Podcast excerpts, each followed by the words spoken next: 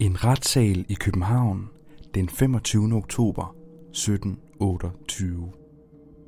En svejsisk mand ved navn Baron von Thurn sidder nervøst og tripper på en taburet. Han blev arresteret dagen før, og siden da har han siddet fængslet. Nu sidder han her, ængstligt, og venter på sit forhør. Overfor ham i det her lille retslokale, der sidder en kommission, der er sat i verden for at efterforske den værste brand i Københavns historie. Den består af fire fornemme mænd fra det danske aristokrati, og de kigger alle skeptisk på den usikre baron, mens sveden løber ned ad siderne på hans ansigt. De spørger ham i en bestemt tone, hvem han er og hvilke forretninger han har her i landet. Frygtsomt og bævrende, der svarer baronen de høje herrer. Og så tilstår han.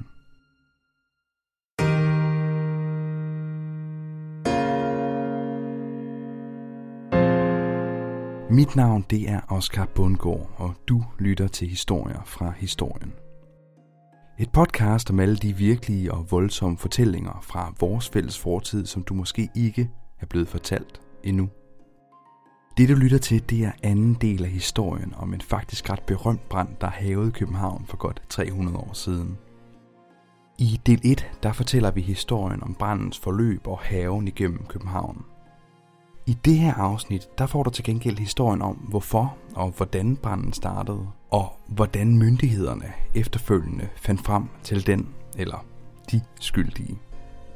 Det er historien om en efterforskning af en ulykke og jagten på en syndebuk, indhyllet i en komisk retsproces. Og det er også et unikt indblik i den almindelige københavnske folkesjæl af 1728. Lyt med, og husk for guds skyld at høre efter. For dem, der ikke husker historien, ja, de er dømt til at gentage den.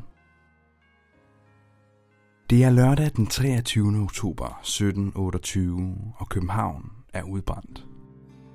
Den altødelæggende ild er endelig død ud efter at have havet i 60 timer, taget 19 liv, kvæstet mange flere og gjort utallige hjemløse. Panikken og chokket, der lammede byen, er langt om længe ved at lægge sig. Nu er det tid til at genfinde roen og påbegynde det massive oprydnings- og genopbygningsarbejde.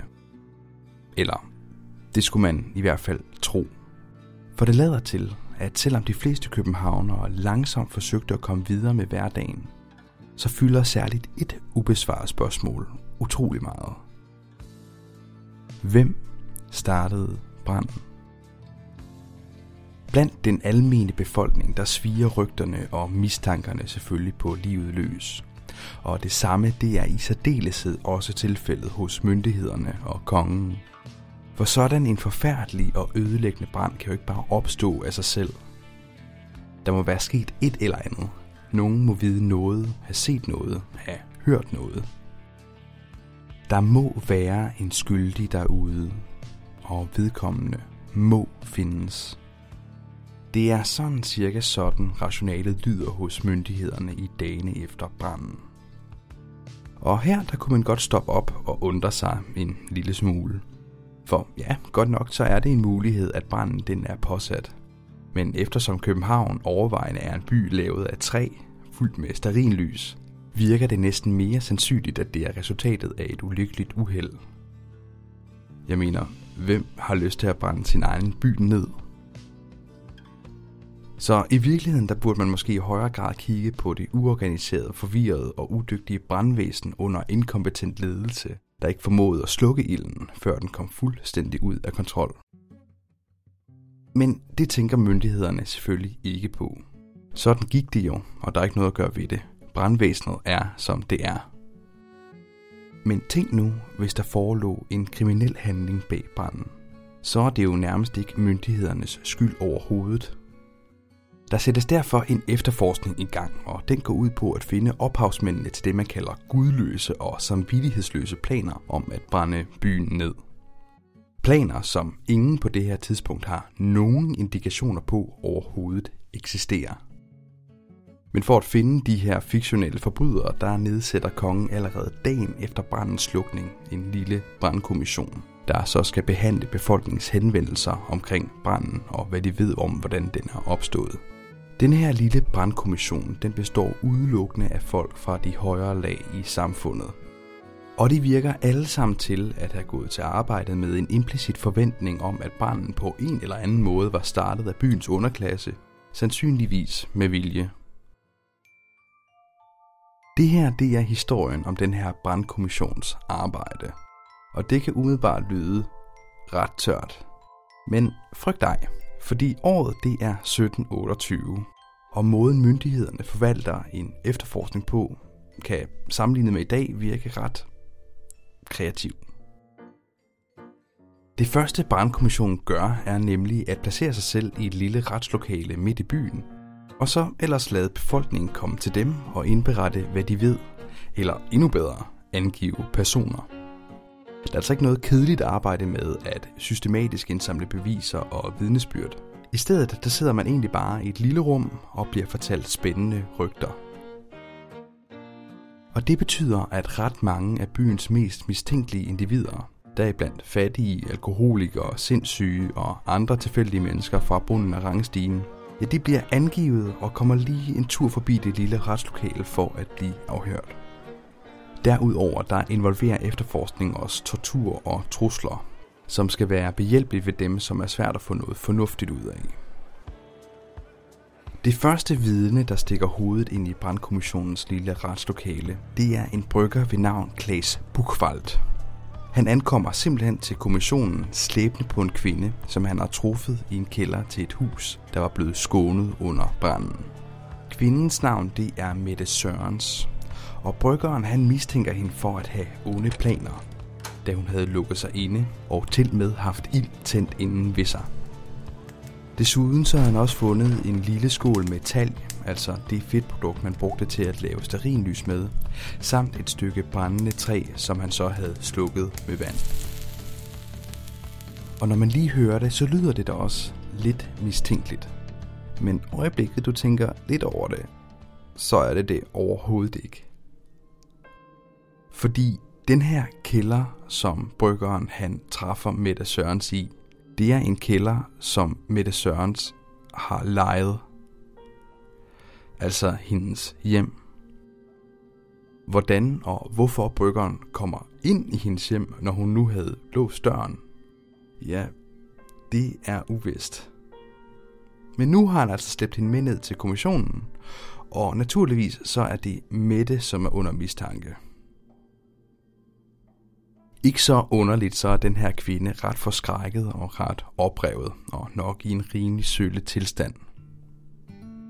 Da hun bliver spurgt af kommissionen om, hvem hun er, der fortæller hun, at hendes mand var muresvend hos brandfolkene, og at de to i de sidste halve år har boet i den her kælder i byen. Og det lyder jo uskyldigt nok, men kommissionen fisker videre – de spørger hende, om det ikke er rigtigt, at hun havde lukket sig inde i sin kælder og haft en skål med talg og et brændende stykke træ ved siden af. Hertil der svarer Mette, at kælderen den har to døre. Den ene dør den var rigtig nok lukket, men den anden den stod åben. Hun havde ganske rigtigt haft en skål med talg, men der havde ikke været ild i nærheden af den. Det eneste sted, der var ild i kælderen, ja, det var i hendes ovn. De her indledende spørgsmål, det leder altså ikke rigtig nogen steder hen, og så prøver kommissionen det, man kalder en Hail Mary. De spørger Mette Sørens. Havde hun til hensigt at bruge det her tal til at sætte ild til sit eget hus og brænde resten af byen ned? Og til det, der svarer Mette nej. Og kort efter må kommissionen lade hende gå. Så meget for den første afhøring. Vi kommer ikke til at høre mere til Mette Sørens, fordi hun er slibrig som en ål og havde sandsynligvis overhovedet ikke gjort noget forkert. Og det var en skam, fordi Mette Sørens var præcis den type, som kommissionen rigtig gerne ville have fat i. En eller anden stakkel fra samfundets bund, som ingen af betydning ville forsvare eller skænke en tanke. En, som man frit kunne beskylde for at have brændt hele København ned og pynse på uden motiv nu også at brænde sin egen bolig ned. Men ak, det er jo bare op på hesten igen, fordi der er flere, der skal afhøres. I løbet af den første dag bliver to andre fattige kvinder også hævet ind til afhøring. Og beviserne, de er solide.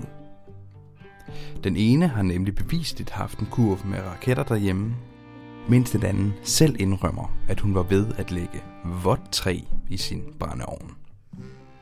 Men selvom beviserne for de her handlinger altså er rigtig stærke, ja, så er ingen af delene ulovlige, eller for den tages skyld nogen som helst indikation på, at de har haft noget som helst med branden at gøre.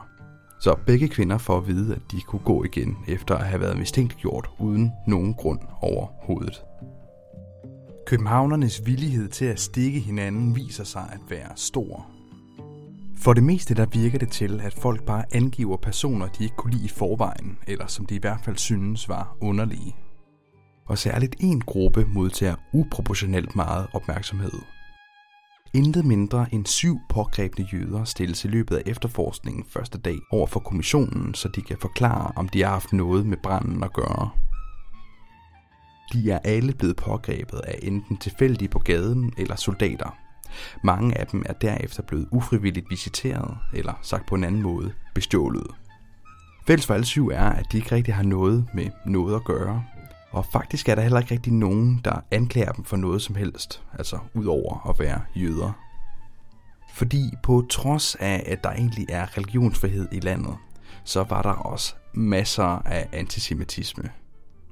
Jøderne havde ikke de samme friheder og muligheder i samfundet som alle andre. De kunne for eksempel ikke bosætte sig eller beskæftige sig med, hvad de ville.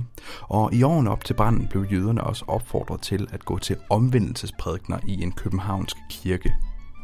Et arrangement, der faktisk ophørte efter branden, da netop den her kirke den var blandt bygningerne, der brændte ned.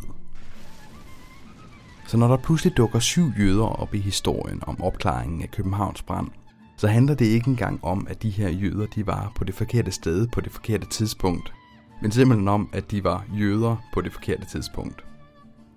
Det ender der også med, at kommissionen de er nødt til at frigive alle syv. Om de fik deres penge tilbage, er det så mere uvist. Og med det, der afsluttes den første dag i retssalen, uden videre spor eller resultater. Heldigvis så er der mange flere mistænkte i vente og den første, der dagen efter skal foran kommissionen, det er den nervøse baron von Turen. Den her baron, han havde vandret rundt og råbt som en vanvittig på gaderne, mens ilden brændte om ørerne på ham. Han har været så underlig og sær, at folk rundt om ham simpelthen havde pågrebet ham, kaldt ham morbrænder og så givet ham til politiet. Og da politiet havde fat i ham, ja, så var han rablende begyndt at snakke om en stor synd, han havde begået og da han kommer foran kommissionen, der begynder han simpelthen at tilstå. Han forklarer, at han lige før branden startede havde gået rundt med en fakkel, og måske en dag var kommet til at starte ilden med den. Og lige pludselig så ser det altså ud til, at kommissionen de har fundet deres mand. En psykisk syg baron med en fakkel. Men så, midt i afhøringen, skifter baronen spor og påstår pludselig, at han ikke kender noget til nogen som helst fakkel overhovedet.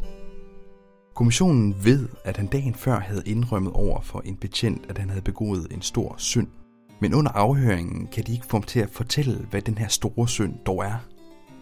Efter et stykke tid med almindelig afhøring er kommissionen blevet ret frustreret over den her stakkels baron. Og så har de vendt sig mod deres hemmelige våben. Trusler og tortur. Helt præcist så bliver baronen truet med den polske buk. Og den polske buk, det er ikke for børn.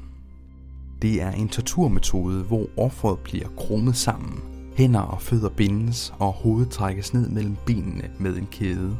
En stok bliver så skubbet ind imellem arme og knæ, og derefter tager to mænd fat i hver deres ende af stokken og ligesom ruller offeret hen over skarpe sten. De er rigtig nederen.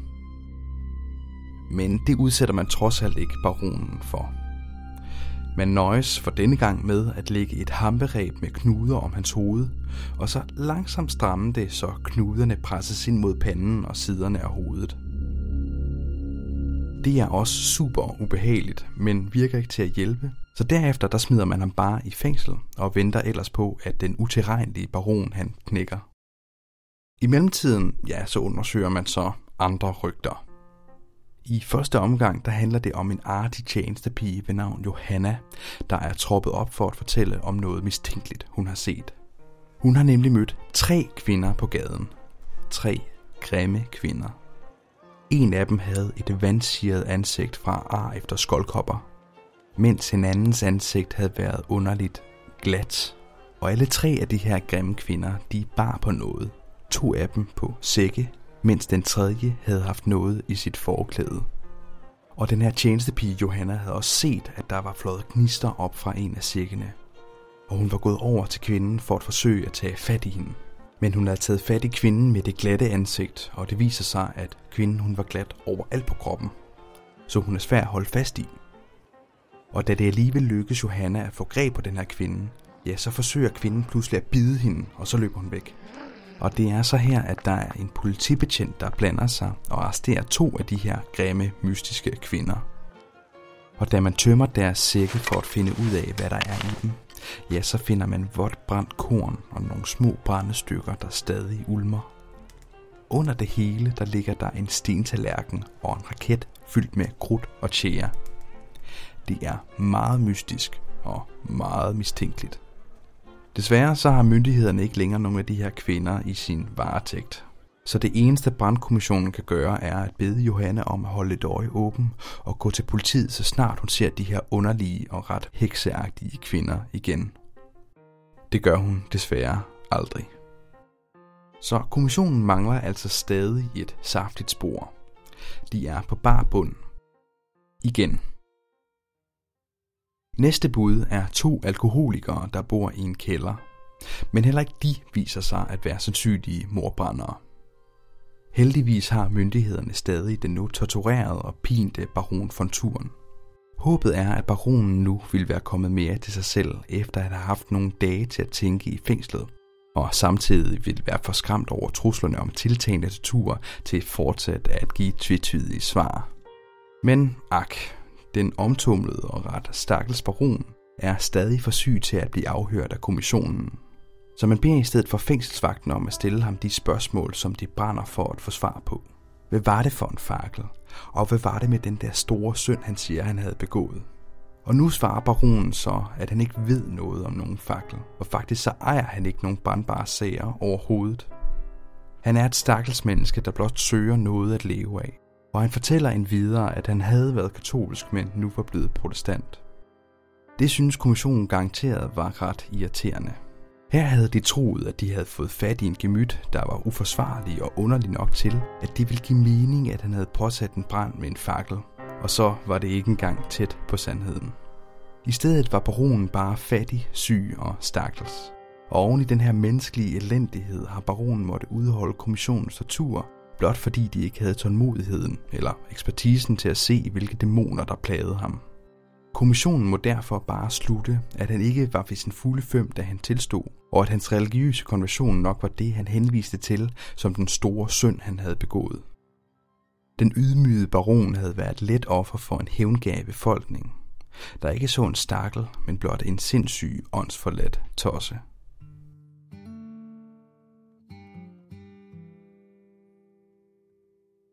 Med deres hovedmistænkte, baron von Turen, ude af billedet, er kommissionen altså efterladt på bar bund. Ikke et eneste af deres mange vidner havde givet dem noget som helst brugbar viden, og jagten efter søndebukken lod altså til at være sværere end som så.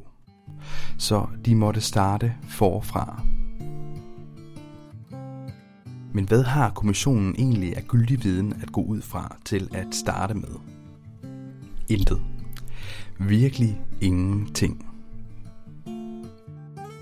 Heldigvis florerer der flere rygter blandt Københavns borgere, og et af disse er, at branden var begyndt et sted nær Vesterport.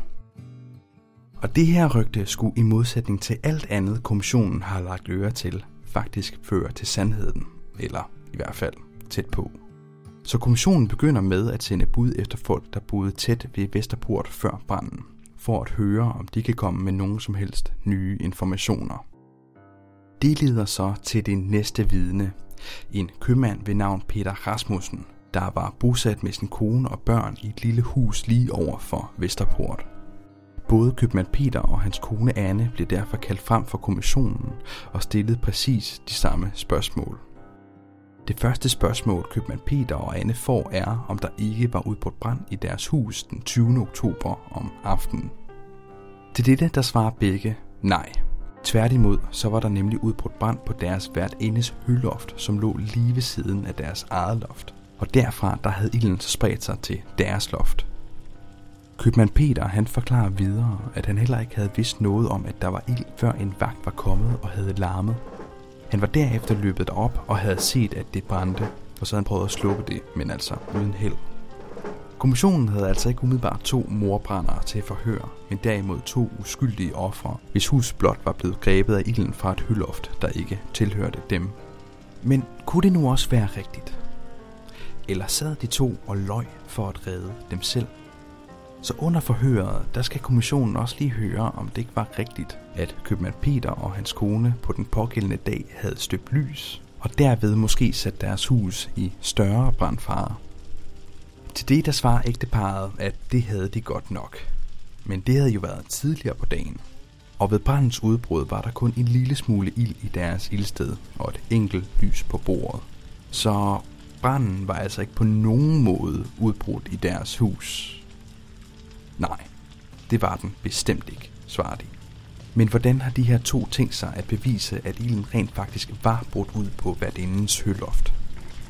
Jo, til det der svarer de to, at de begge havde set det brænde på værtindens loft, og var blevet forfærdet af at se, at ilden den havde bredt sig igennem brædderne, der adskilte deres loft fra værtindens. Og i deres panik, der var de så begyndt at prøve at slukke branden med vand. Okay, men det stemmer jo ikke helt overens med, hvad de tidligere havde sagt om, at de ikke vidste, der var brand, før vagten kom og alarmerede dem. Og hvad så med de tre små børn, som ægteparret havde? Kunne et af dem have været skyld i branden? Måske ved hjælp af et lys? Det kunne de i hvert fald ikke, for de fik aldrig lov til at lege med lys. Både købmand Peter og hans kone Anne får derefter lov til at gå igen – men kommissionen beslutter sig for at indhente nogle flere vidner, før de dropper sagen og går videre til det næste rygte. De næste, de skal afhøre, kommer derfor ikke så underligt fra indens husholdning, altså der, hvor Peter og Anne påstår, at branden den er startet. Og her begynder de faktisk at komme i nærheden af noget. Det næste vidne finder nemlig alting på hovedet. Hendes navn er Dorte, og hun arbejdede til dagligt i huset som værtindens tjenestepige. Da hun kommer frem for kommissionen, bliver hun alvorligt mindet om, at hun skal tale sandt. Og så begynder Dorte ellers at snakke. Mellem klokken 7 og klokken kvart i 8 havde hendes frue og hendes selskab siddet og spist, da hendes frue pludselig bad hende om at gå over til Peter, der altså bor i huset lige ved siden af, for at hente en kande øl. Dorte var gået over og havde banket på døren, og købmand Peter han havde selv lukket op. Han var så begyndt at tappe en kande med øl til hende, men pludselig så var et af Peter og Annes børn begyndt at skrige oppe fra loftet. Barnet råbte, slå mig ikke, slå mig ikke. Og mor Anne var derefter løbet op for at se, hvad der foregik. Hvor efter tjenestepigen Dorte havde hørt, at Anne var begyndt at skrige og slå sine hænder sammen og sige, Åh, vi, her er ild. Derefter der var Peter så løbet op til hende og havde spurgt, hvad der var sket og Anne havde svaret, Ak, barnet har sat ild til høet med lyset. Og så var de ellers begyndt at dråbe på vand. Da det så ret hurtigt viser sig, at de ikke kan slukke branden alene, så var Dorte og købmand Peter løbet over til hvert inden for at fortælle om branden. Men de havde ikke kunne slukke ilden i tide, og før de så sig om, så var huset brændt ned, og Københavns brand godt i gang. Og som Dorte hun sværger på sin erklæring, så er købmand Peter og Anne pludselig kommet i klemme den her tjenestepige er nemlig nyansat og har derfor ikke rigtig nogen grund til at skulle lyve om noget af det her. Og ifølge hende så har købmand Peter og Anna altså lovet om, at ilden ikke var startet i deres hus, for på en gang at beskytte sig selv for skyld, men samtidig også for at beskytte deres barn, som jo umiddelbart lignede syndebukken. Og spørgsmålet er derfor, om der er nogen andre, der kan bekræfte, at Dortes historie er den, der er tættest på sandheden. Og her bliver en tømmersvend ved navn Nils så kaldt frem. Han havde lavet noget arbejde for at inde, og havde derfor siddet i hendes bryghus, da branden pludselig var brudt ud. Det var været inden selv, der efter Dorte og Peter havde været forbi, var kommet løbende ud til ham og råbt, at der var ildløs hos købmanden. Niels var derfor løbet derover og havde set, at det brændte på loftet. De havde derefter alle sammen hjulpet hinanden med at prøve at slukke branden, men det viste sig ret hurtigt at være nytteløst. Nils han husker desuden også, at før værtinden var kommet ud til ham, havde han hørt en dreng skrige, som om han var blevet slået. Han vidste dog ikke, om det kom fra nabohuset, eller om det kom fra et helt andet sted.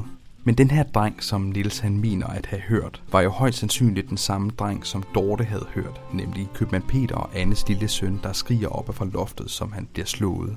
Ikke nødvendigvis slået af et menneske, men slået af ilden. Og det stemmer jo fuldstændig overens med, hvad Dorte havde fortalt kommissionen. Til gengæld så ser det efterhånden sort ud for købmand Peter og Anne. Det ligner mere og mere, at ægteparet havde lovet for at beskytte dem selv og deres lille dreng. Men for endeligt at lukke sagen, er der ikke andet at gøre for kommissionen, end at hive den lille søndebuk ind til forhør. Hans navn er Iver, og han er syv år gammel. Og han bliver så placeret i et lille rum over for en masse aristokrater, der mere end noget andet ved, hvad de gerne vil høre. Nemlig, at det var ham, der startede branden. Og med kommissionens historik for at stille ledende spørgsmål, er det desværre svært at sige, hvad lille Iver har fundet på, og hvad kommissionen har taget med for at få historien til at hænge sammen. Lige meget hvad, så er drengens forklaring som følger. Ivar var gået op på loftet med et lille lys for at lede efter stangen til en lille børnesprøjte, som var et stykke af hans legetøj. Hans forældre havde ikke set, at han havde taget tændt lys med op på loftet, for han gjorde det ude i køkkenet, mens hans forældre var i stuen. Ivar havde så sat lyset i hjørnet og let efter sin sprøjte i en skorsten. Men mens han ledte, var han kommet for tæt på lyset og var kommet til at vælte det, så det var faldet ned i en revne, hvorunder der lå hø, og på den måde var der så gået ild i høet. Drengen fortæller så, at han var gået ned fra loftet igen uden at sige noget, efter vagten havde banket på døren. Lidt efter var hans mor så gået op på loftet og begyndt at skrige, fordi der var ild. Derfor var Iver også begyndt at skrige. Hans far var så gået op og begyndt at forsøge at slukke ilden, men altså uden held. Efter at Iver han har vidnet for kommissionen, bliver hans forældre, Anne og købmand Peter, endnu en gang kaldt til forhør. Her får det så læst deres søns erklæring højt, så kommissionen kan få en reaktion på drengens udlæg, der jo modsiger forældrenes. Begge erkender dog, at det godt kunne være sket på den måde, som Ivar han siger, men at deres søn ikke havde ville indrømme det over for dem, og af den grund havde de også slået ham. Og med det var kommissionens job løst. Hverken vært inden eller vagter på gaden blev kaldt ind til yderligere forhør. Mysteriet er opklaret, kommissionen er færdig. Så konklusionen på den her storstilede efterforskning beordret af kongen selv. Resultatet af jagten på en udspekuleret morbrænder bliver, at et lille barn ved et uheld brændte en tredjedel af København ned. For så vidt må man bare sige ja. Det var i hvert fald, hvad man nåede frem til. Og hvis du er lidt skuffet over netop det udfald, efter der har været alle de her alkoholikere og sindssyge forbi retslokalet, ja, så er du nok ikke den eneste. For mund ikke også mændene i kommissionen havde det lidt svært med, at der ikke var en lidt mere spændende kriminel på færre. Det kunne jo have været en historie om en brav kommission, sat i verden for at stoppe onde konspirationsteorier om at brænde det smukke København ned, og som så også formåede at opspore og straffe forbryderen for sine gudløse og samvittighedsløse planer. Men ak, sådan skulle det altså ikke gå. Og hvad angår konklusionen, så er der stadig en masse ubesvarede spørgsmål. Bør forældrene i virkeligheden pålægge skylden for brandens udbrud? Offrer de faktisk deres søn som brandstifteren for selv at slippe for straf? Og hvor mange af lille Ivers ord var egentlig hans egne? Vi kommer aldrig til at vide det. For alt andet end hvad der lige tilfældigvis blev nedskrevet i kommissionsrapporten, må forblive i det uvisse for altid. Og i virkeligheden er, hvem der startede Københavns brand ikke rigtig vigtigt.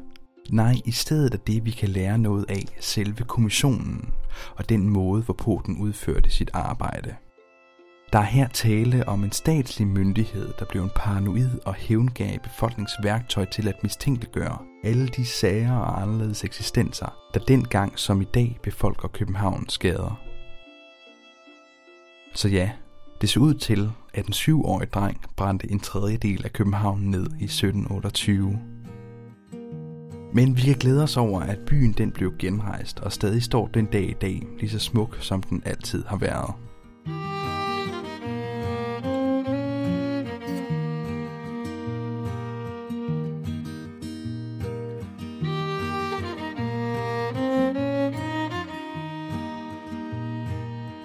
Historier fra historien er produceret i samarbejde med Radio Loud. Det her afsnit det var skrevet af Pauline Hvidet Kålund og redigeret og indtalt af mig, Oscar Bundgaard. Redaktionen den består derudover af Sofie Ole Winkler. Udover det, så skal jeg også lige huske at takke min gode ven Mikkel Larsen, der gav mig ideen til det her afsnit. Hvis du godt kunne tænke dig at vide lidt mere om Københavns brand, ja, så vil jeg anbefale dig at læse Kåre Laurings bog Byen brænder, som også har hjulpet os rigtig meget med researchen til det her afsnit. Og hvis du ellers godt kan lide historier fra historien, ja, så må du meget gerne fortælle det til dine venner og give os et like på Facebook og nogle stjerner på iTunes. Jo flere lyttere og downloads vi får, jo større er chancen for, at vi får lov til at lave noget mere. Tusind tak, fordi du lyttede med, og jeg håber inderligt, at vi høres ved.